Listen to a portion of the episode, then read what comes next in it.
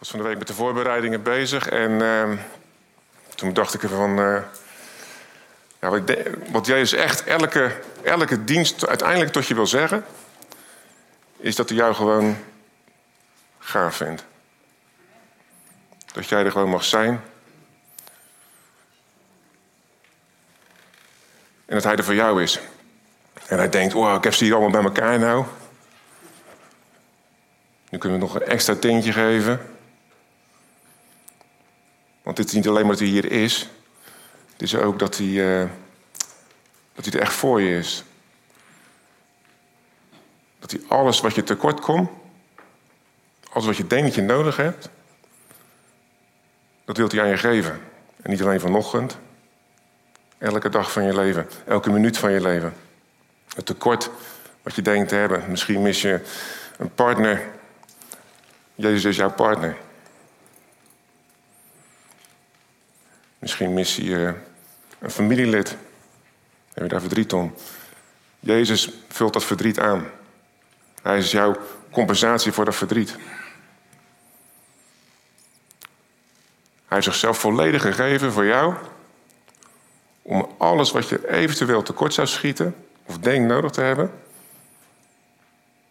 om daarin te voorzien. Geloven we dat? Amen. Nou, dat was de preek, muziek. Nee hoor. En het komt ook dat jullie allemaal geroepen zijn. En deze preek gaat ook over iemand die geroepen is. Die, mag wel op. Jullie zijn allemaal geroepenen. Jullie zijn allemaal geroepenen van God. Op het moment dat jij ja zei tegen Jezus, was je een geroepene. Het moment dat je ja zei tegen Jezus, gaf je hem de mogelijkheid om met jou tot zijn doel te komen. Nou, in de Bijbel zijn er verschillende voorbeelden daarvan. En een daarvan is Gideon. Gideon en zijn 300 mannen. De meeste mensen kennen misschien het verhaal.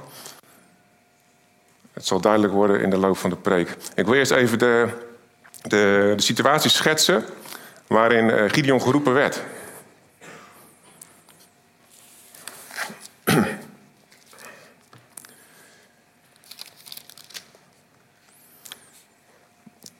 Dat begint in Richter 6.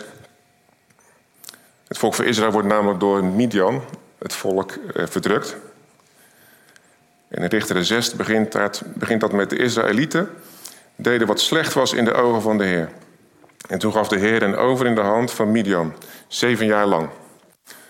En het verhaal van, van Gideon dat speelde aan het eind van die zeven jaar. Toen Midian de overhand kreeg over Israël, maakten de Israëlieten vanwege Midian voor zichzelf holen gereed in de bergen zijn en grotten in bergvestingen. Want het gebeurde telkens als Israël gezaaid had dat Midian optrok en ook Amalek. Mijn vader zei altijd: Toon me je vrienden en ik weet wie je bent. Nou, Amalek was niet zo'n fijn volk. En daar trokken de Midianieten mee op. Dus dat was ook uh, heel slecht voor het volk Israël. En de mensen van het oosten, alle volken, een heel groot gezelschap uit het oosten, trok met uh, Midian en Amalek op. Dan sloegen ze een kamp tegen hen op en deden de opbrengst van het land teniet, tot waar men bij Gaza komt. En ze lieten in Israël niets over om van te leven. Geen schaap, geen rund en geen ezel. Want ze trokken op met hun vee en hun tenten, zo talrijk als sprinkhanen kwamen zij. Ik weet niet of jullie die film uh, eh, 300 gezien hebben. Ik heb, ik heb hem nooit helemaal gezien, maar daar zie je ook een impressie van als een groot leger optrekt. Dat is heel indrukwekkend. Zo talrijk als sprinkhanen kwamen zij, zodat men hen en hun kamelen niet kon tellen. En ze kwamen in het land om dat er niet te doen. En zo verarmde Israël zeer vanwege Midian. Tot daar. Dus dat is de, scene zeg maar, waarin Gideon geroepen wordt. En Gideon dat is uh, een man uit een eenvoudig volk. Heeft geen uh, hoog zelfbeeld. En uh, ja, hij, doet, hij probeert te overleven onder de druk van de Midianieten. Hij doet ook gerst in de wijnpers verstoppen. In de hoop dat dat dan niet gestolen wordt door het volk. En dan komt er een engel bij Gideon. En die zegt tegen Gideon: Jij held. Grote held. Man of valor staat in de grondtekst. Krachtige held. Zegt tegen Gideon. Nou, Gideon heeft echt niet, geen hoog zelfbeeld. Dus die is, die er helemaal niet zo van, uh, van onder indruk eigenlijk. En um, ja, die, die, die, die engel, die zegt tegen Gideon... Um, jij gaat mijn volk bevrijden. Jij gaat mijn volk bevrijden. En misschien kan dat de volgende sheet. Ja. Jij gaat mijn volk bevrijden. Ja, en Gideon heeft daar wat, wat moeite mee. Dus uh, ergens beseft hij, heeft het idee dat, hij, dat, dat het wel God is die met hem praat. want hij zegt ook van ja, als u het dan bent, wacht even hier. En dan gaat hij weg. En dan bereidt hij een, uh, een geitenbokje voor en, en uh, ongezuurd brood voor zijn gast. En dat wordt op een rots neergelegd. En dan raakt hij die, die engel, wat voor Gideon dan nog gewoon eigenlijk iemand is. Die raakt dat offer aan en dan komt er vuur uit de rots, wat het offer verbrandt. En dan is het ook de, de engel gelijk weg op dat moment. En dan beseft hij het. Dan valt het kwastje bij Gideon en denkt hij, wauw, ik ben door God geroepen. Dit was echt, dit was, uh, hij denkt ook dat hij gaat sterven, omdat hij God gezien heeft. Hè? Dat was de beleving natuurlijk in, in die tijd. Ik heb God gezien. Waanzinnig, waanzinnig. Ik ben echt onder de indruk. En een goede engel die zegt van ja, je gaat niet sterven. Dus dat is een probleem niet. Maar wat hij zegt, je zal Midian verslaan als waar het één man, omdat ik met u ben. En dat ik met u ben, dat is de naam van Jezus. Zo wordt Jezus namelijk aangekondigd voor zijn geboorte. In Jezaja, Immanuel, God met ons. En zo het hele verhaal van Gideon is eigenlijk het verlossingswerk van Jezus. Dat zal duidelijk worden. Maar hier wordt, kondigt hij het al aan. Ik ben ervan overtuigd dat die engel zelf dat ook Jezus is. Mede gezien het geschreven is, maar ook de dingen die hij zegt. En hij zegt, ik ben met jou. In deze verdrukking, in deze zeven jaar verdrukking. Nou, ik denk niet dat veel van ons de oorlog meegemaakt hebben, aard misschien. Bewust? Of... Dat was vijf jaar. Dit was zeven jaar. En het, land was leeggeroofd. En misschien dachten we dat we 40, 45 het zwaar hadden. Maar dit was veel erger. Want dit waren geen mensen die met uh, verdragen van Genève, dat was dan later, maar in ieder geval met mensenrechten te doen, van doen hadden. Die hakte je gewoon in de pan. En die hadden totaal geen, geen hartzeer daarvan. En dat is wel de scene waar het in was. Dat was de verdrukking Waaronder Gideon leefde met zijn gezin en met zijn, met zijn volk. En dan komt er een engel die zegt van... Jij, die tot nog toe niets gedaan hebt om, om dat wat, aan te doen... ook er misschien helemaal niet mee bezig bent, je bent aan het overleven... maar jij gaat mijn volk verlossen. Kan je je voorstellen? Je zit in de problemen en jij gaat eruit komen. Ik ga jou eruit helpen. Dat zegt Jezus hier, ik ga jou eruit helpen... En um, goed, als dan, als dan dat offer uh, in rook opgaat als het ware, dan, dan krijgt Gideon wel wat vertrouwen. Maar hij krijgt nog een opdracht van, uh, van de Heer. Dat hij dus, uh, ja, het volk Israël, dat had toch ook wel afgoden in hun midden. En hij krijgt van God de opdracht om het, het afgodsbeeld eigenlijk, de baal, om die, en, en de gewijde paal die erbij staat, om die in puin te hakken. Nou, dat kan Gideon wel, want zijn naam betekent naam te hakken, te omhakken. Dus daar was hij heel handig in. Die lag snel om. Maar om aan te geven dat Gideon ook niet zo'n held was, hij durfde het niet overdag te doen. Dus hij deed het in de stiki. Zoals onze Ben vroeger zei, als hij stiekem deed, doe het in de stiki. Hij deed stiekem s'nachts. Maar hij deed wel. Hij ging wel bewegen. Hij deed, hij hakte de paal om. En wat, wat ook typerend is, dat God zegt van, um, je gaat de tweede stier gebruiken, die zeven jaar oud is. Dat is ook een beetje raar eigenlijk, hè? Ze waren zeven jaar in verdrukking. Die stier hadden dus nooit vrijheid gekend. Die was altijd verborgen gebleven. Want ik las net dat dus die Midianieten en de Amalekieten volledig leegroofden, inclusief het vee. Dus die hadden ze zeven jaar al verborgen. En die moest je offeren. Op een offer. Als je allemaal opgelet hebben bij Marjan de preken. Op een verzoeningsoffer. Waar hij zijn verleden eigenlijk neerlegt. Waar hij zegt van, hier stopt de verdrukking. Hier ga ik een nieuw pad bewandelen. Ik weet niet zeker of hij het zelf al daardoor had. Maar dat is wel heel typerend in ieder geval. En Gideon die denkt van nou, dat is mooi. Ik ga het, uh, iedereen oproepen, want uh, we gaan ervoor. Want ja, we hebben ze een beetje gehoord met hoeveel ze zijn, dus het is uh, een beetje spannend. En hij verzamelt allemaal volk om hem heen. Even kijken hoor, wie die allemaal erbij gaat roepen.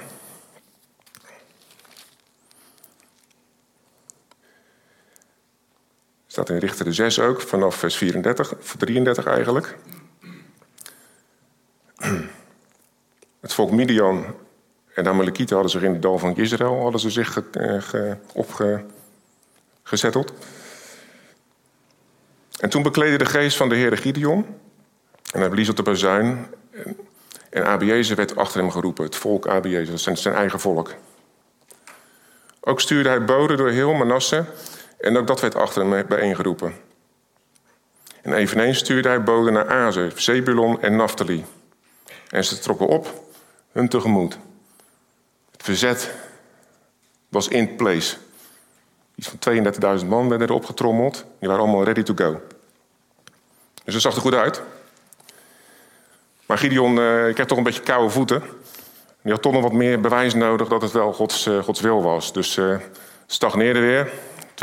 32.000 man komt opdraven. Dan ziet het opeens niet meer zitten. Nee, heer, ik wil wel gaan, maar ik heb toch een teken nodig. En dan komt het, het voorstel van Gideon om een, een, een, een vacht, een schapenvacht neer te leggen. En hij zegt tegen God, als morgenochtend, als ik, als ik wakker word en de, en de ligt op het land, of sorry, en het land is droog, dan zou ik willen dat alleen die schapenvacht nat is. En God die, die doet dat voor hem. Die bevestigt hem in, ik heb een plan met jouw leven. En de volgende dag kan hij dus die vacht uitknijpen. Het land is helemaal droog. En hij kan die vacht uitknijpen, een volle schaal water komt daaruit. Ja, ik denk dat misschien sommigen van ons wel zouden zeggen van... Wow, weet je, dit is echt, echt een wonder van God, dit kan niet. Maar meer voor de Gideon nog niet helemaal. Nee, heer, um, ik wil nog meer bevestiging. Ik wil nu graag dat... Uh, ja, hij doet wel voorzichtig, heer, dan, ik hoop dat u niet boos aan me wordt... maar ik wil graag uh, dat morgenochtend heel het land nat is. En alleen de vacht droog. En ook dat gebeurt. En dan denk ik Gideon van... En nou gaan we ervoor. Weet je, dit is zoveel meer bevestiging hebben we niet nodig. Hij trekt op en uh, hij is er klaar voor. En dan zegt hij van, uh, oh, oh, wat ga je doen? 32.000 man heb ik, we gaan ervoor. Nou, nee hoor, zegt hij, dat zijn er een beetje te veel. Ga even eens vragen van de mannen die, uh, die een beetje bang zijn. Vraag me of, of, ze bang zijn. Nee, die mogen gaan. En vervolgens stappen er 22.000 man op. Sta je daar, Gideon? Gideon? Waarvoor moet hij dat nou vragen? Dus daar word je wel niet heel vrolijk van, als, als generaal. En uh, dus Gideon denkt van, nou, nu dan? Dat is 10.000 over, nou oké, beter dan uh, niets. En dan zegt hij, nee, het is nog niet genoeg. Het is nog veel te veel. En weet je waarom de Heer dat zegt? Omdat hij duidelijk wil maken aan het volk van Israël dat hij ze verlost. Hij is hun verlosser. Niet die 10.000 man of die 32.000 man. Hij is hun verlosser. En dat geldt voor ons ook. Alles wat we denken mee te brengen om iets voor elkaar te krijgen. is allemaal prachtig, kan best gebruikt worden. Maar God is jouw verlosser. Jezus is jouw verlosser. Niemand anders. Niet jij. Niet de hulpmiddelen die je nodig hebt, denkt te hebben. Dus God zegt van nee, brengen ze me naar uh, die beek, naar een beek. En ehm, ze zijn al even uh, aan het wandelen. Dus degene die op die beek afrende als een, rennen als een dolle... een snoekduik naar het water uh, doen en zo het water oplikken, zoals in de Bijbel staat... dat zijn de mannen die met jou meegaan. En de anderen, die heel beheerst en gecontroleerd komen... netjes op de knie gaan zitten zo... een beetje opletten of er niet een medianiet op de loer ligt... even snel drinken... die mogen gaan. Wat denk je nou als generaal? Sta je daar? Oké. Ik dacht dat ik een redelijk georganiseerd leger had. Nu moet ik het dus met 300 gasten totaal niet in de toon te houden.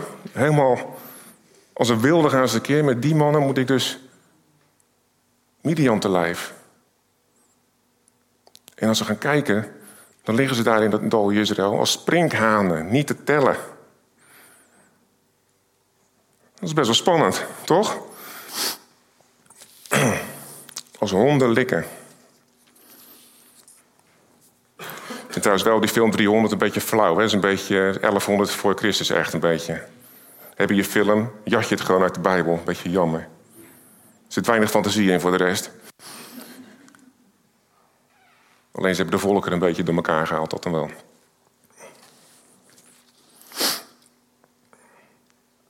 In Richter 7, daar staat ook dus op het moment dat uh, uh, Gideon met zijn 300 man om die uh, vallei staat, moeten ze dus met, uh, met hoornen blazen.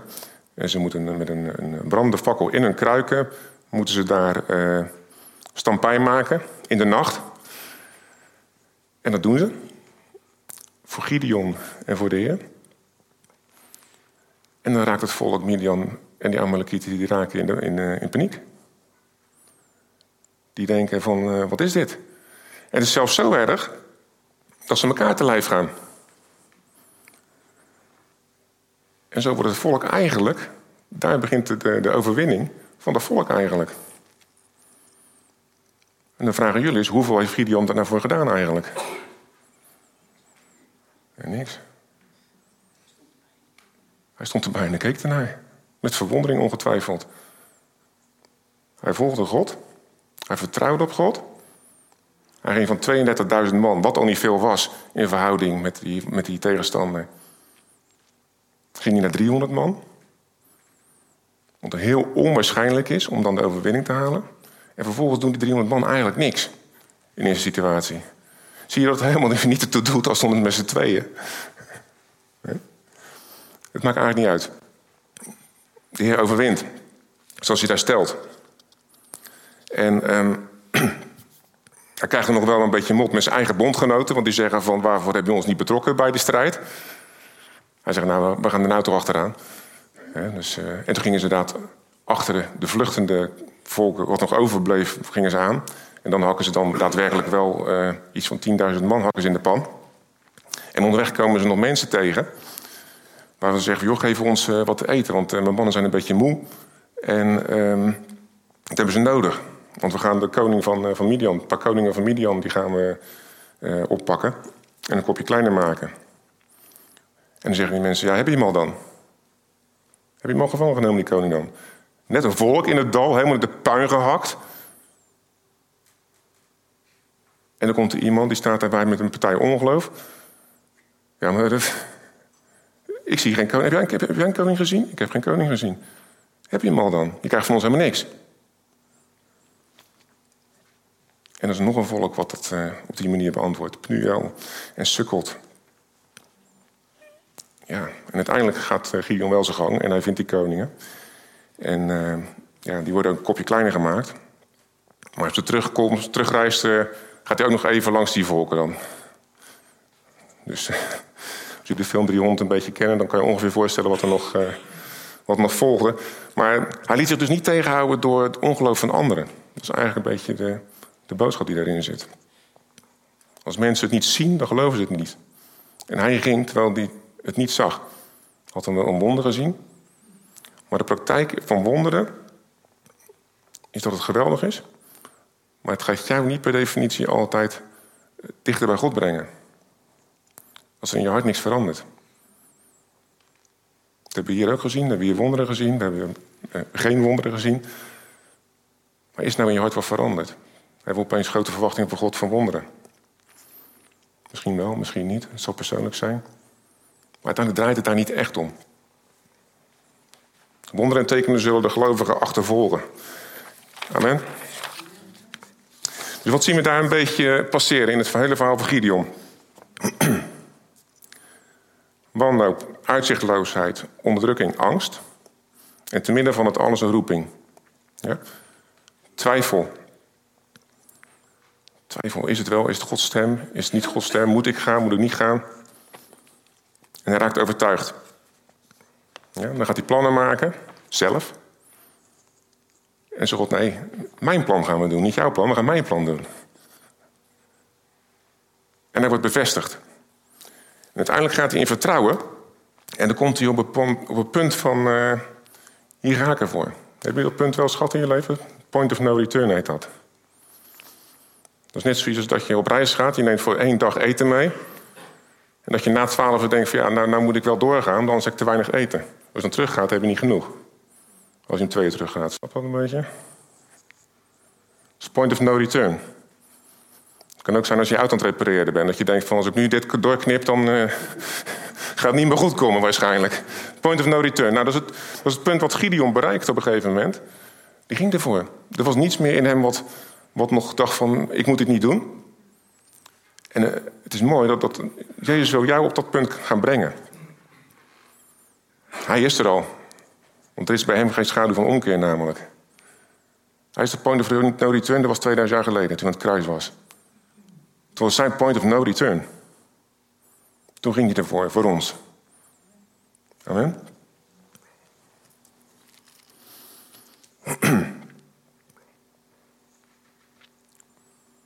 De volgende sheet op. Dat is eigenlijk de kerntekst van vandaag. Dat is ook de tekst eigenlijk hoe ik op, op de preek kwam, want dit las ik. In Jezaja 9, vers 3. Daar staat van het juk van hun last en de stok van hun schouders en de staf van degene die een dreef hebt gij verbroken. Gelijk ten dagen der Midianieten. Sommige vertalingen staat als op de Midiansdag.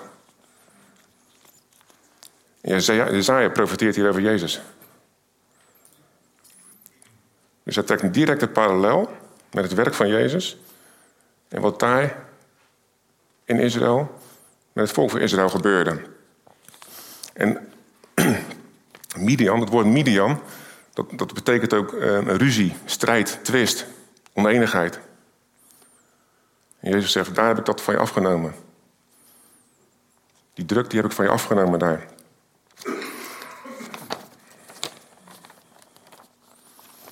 En de, stok voor die je sloeg, staat ook in sommige vertalingen. De, de slavendrijven komt daar ten einde. En dat is, dat is een heel mooi beeld, want in de Bijbel staat namelijk dat, dat, uh, um, dat als, je, als je Jezus niet hebt, dat je eigenlijk een slaaf van de zonde bent. En Jezus zegt van, ik heb jou dat juk afgenomen. Doen we dan niks meer goed? Of we doen, doen we dan niks meer fout? Zondigen we niet meer? Nee, zondigen we nog wel. Maar hij heeft het oordeel heeft hij van ons afgenomen. Dat heeft hij verbroken. En daarom zegt hij ook in Johannes: Ik noem je niet meer slaaf, ik noem je vriend. We hebben net gezongen. Ik noem je vriend. Als ik je slaaf zou noemen, dan zou ik zeggen dat je nog ergens aan onderhevig bent, dat je nog iets moet volgen. Maar we hoeven niemand meer te volgen, alleen Jezus. En wat hij voor ons gedaan heeft, dat is eigenlijk het allerbelangrijkste.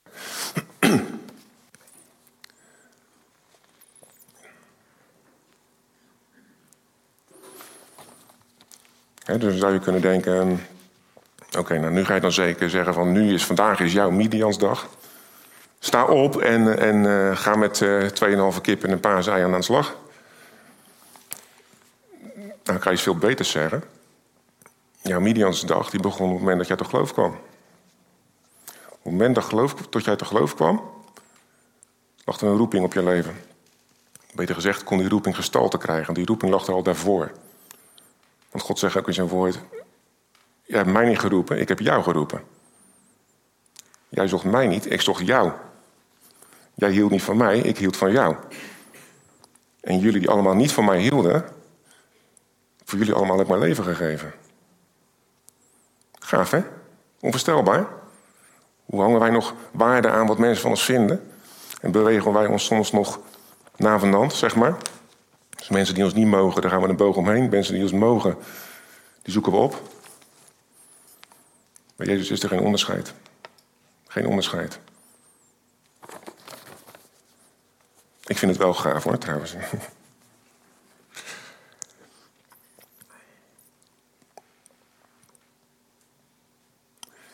Ja, en wat, wat, um, wat ik net zei, is dat uh, waarom God dus dat leger eigenlijk um, uit de weg wil hebben, is omdat eigenlijk Jezus daar laat zien een deel van wat genade nou eigenlijk is. Want genade, daar hebben we het vaak over gehad, is niet uit eigen werken dingen doen. Het is ook niet niks doen. Dus ik hoop dat we ons point of no return ergens gaan bereiken. Maar daar laat Jezus al zien van, hé, hey, ik ben het die jou vrij maakt van je situatie. En als je dat in je hart laat settelen, als je dat echt met je hart gaat geloven, dan stoppen de eigen werken namelijk ook. Dan stopt ook het, het vinden van. Hè. Kees zegt altijd: wat je vindt, moet je bij de politie brengen. En dat is ook gewoon zo. We vinden te veel in Nederland. Nederland is ik vind volk. En ik vind, bedoel ze eigenlijk maar, ik vind per definitie wat jij vindt. Dat vind ik per definitie niet. Of dat kan je wel zeggen, maar ik heb toch ook wel mijn eigen mening daarover. Ja. Dat mag. Maar gaat het je helpen? Als wij zeggen van, ik heb mijn hart aan de Heer gegeven. Ik wil van Hem gaan ontvangen. En ik wil me openstellen. Gaat het je dan heel erg helpen? Helpen? Kom uit Rotterdam. Voor mij heb ik dit woord al een paar keer gebruikt. Gaat het je heel erg helpen als je vasthoudt aan je eigen mening? Oh, dus we moeten vinden wat jij vindt. Nee, je moet doen wat in de Bijbel staat. Wat in de Bijbel staat moet je doen. En we moeten niet ons eigen verhaaltjes eromheen verzinnen. Dat Gideon ook. Ja, maar ik ben de minste van mijn familie. En mijn, mijn, ja, mijn volk, is ook het minste in Israël. Dus doe maar niet. Dan zegt hij eigenlijk, doe maar niet. Ik vind niet dat ik de persoon ben. Dat zegt hij. En dat zeggen wij ook. Ik heb er zoveel meegemaakt. Ik vind het wel genoeg. Ja. Gelukkig houdt Jezus van jullie onvoorwaardelijk. Maar juist daarom, omdat je vrij bent gekocht, omdat je vrij bent van, van de mogelijkheid om, om, om gekwetst te raken, dat je er niet meer overheen ziet. Zo, dat was een ingewikkelde zin. Zal nog een keer doen? Als jij in je identiteit met Jezus gaat staan, dan word je onkwetsbaar. Dan word je niet ongevoelig, dan word je onkwetsbaar. De duivel wil namelijk niet dat jij in die identiteit gaat staan en die wil dat jij blijft twijfelen. Dat heb ik vorige keer ook gezegd. Iemand die twijfelt, die moet niet denken dat je ook maar iets van de Heer gaat ontvangen. Helemaal niks. Dat is een beetje shocking misschien, maar ja, het staat in de Bijbel, dus ik kan het makkelijk zeggen. Of vinden we dat het niet klopt? Ja. Wat wij vinden is niet zo interessant. Wat God in ons hart heeft gedaan, dat is interessant. En de mate waarin we daar gehoor aan geven. En de mate waarmee dus niet allerlei barrières zelf opwerpen. Om dat niet te doen. Want jullie zijn zo, zo mooi gemaakt door Jezus. Dat je jezelf en anderen tekort doet. Om niet in je identiteit te gaan staan. Gaaf, hè? En zo ligt er ook in deze gemeente een roeping op je leven. Daar gaan we volgende keer wat uitgebreider over praten. Maar die mag je ontdekken. Maar goed, wat is een roeping? Wat is een talent? Wat is een gave? Wat moet ik nou doen? Nou, je moet vooropgesteld op helemaal niks. Maar we hopen van harte dat je gewoon met God daarmee aan de slag gaat. En gaat bidden, niet in je eigen verlangens, maar met een open hart. Met een open hart dat God er wat mee kan. Want wij zijn soms ook in onze. Nou, laat ik, laat ik ik mezelf. In, in mijn gebed. klinkt soms wel als mijn wil. En dat is niet goed. Dat is niet goed. Ik kan zeggen, dat is genade voor, maar dat slaat nergens op. Dat is niet goed. Ja? We moeten Gods wil leren, leren herkennen. En dat kan alleen als je gaat geloven, als je gaat ontvangen wat Hij in je hart heeft gedaan. Als je gaat geloven dat Hij jou onvoorwaardelijk, of je nou wel of niet in beweging komt, dat Hij jou onvoorwaardelijk lief heeft. Want zijn geest in jou, die voelt dat. Die ziet van, hé, hey, er is een deurtje aan het opengaan. Ja? En dat is geen geest die zijn voet met een stalen neus tussen de deur zet, van nou kan er niet meer terug. Jezus die gaat hem verder openmaken. Maar geef jij hem de mogelijkheid. Wil je gewoon hem dienen?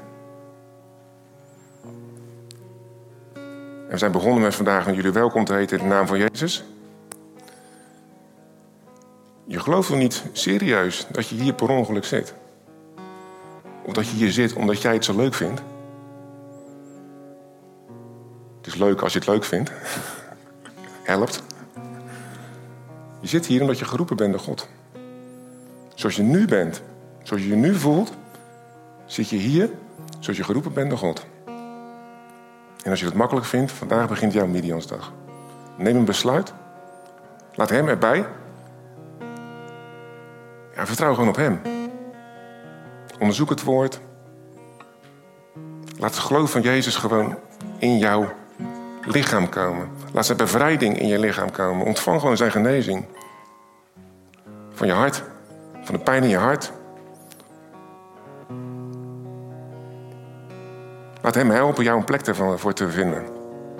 En ik weet waar die plek is hoor. Die is zo ver weg van jou als dat het oosten van het westen is. Daar gaat die pijn heen.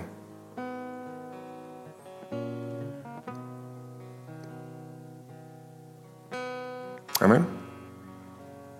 En misschien nog voordat uh, gaat uh, zingen. Misschien denk je wel van ja, ik, ik, uh, ik, ik, heb het gevoel gehad, ik ben het kwijt. Ik ben helemaal kwijt. Ik, ik, ik ben daar zoekend in. En dan wil ik gewoon vragen, kom, kom gewoon hiervoor zitten. Dan gaan we met je bidden. Misschien zeg je wel, ik heb het gevoel nooit gehad, waar heb je het over? Ik, dat wil ik. Ik wil die Jezus in mijn hart nemen. Kom gewoon naar voren. Je hebt alleen maar mensen die van je houden om je heen. Wees niet bang. Amen. En als hier mensen verschijnen, dan, dan zullen we met je gaan. Maar weet, wees niet, wees niet angstig. Er is hier geen ruimte voor angst. We willen graag dat Jezus hier regeert. En Jezus heeft lief. En dat doet hij door mensen als jij en ik. Soms is dat helaas, maar zo is het wel. Dus let niet op de buitenkant, maar let gewoon op Jezus.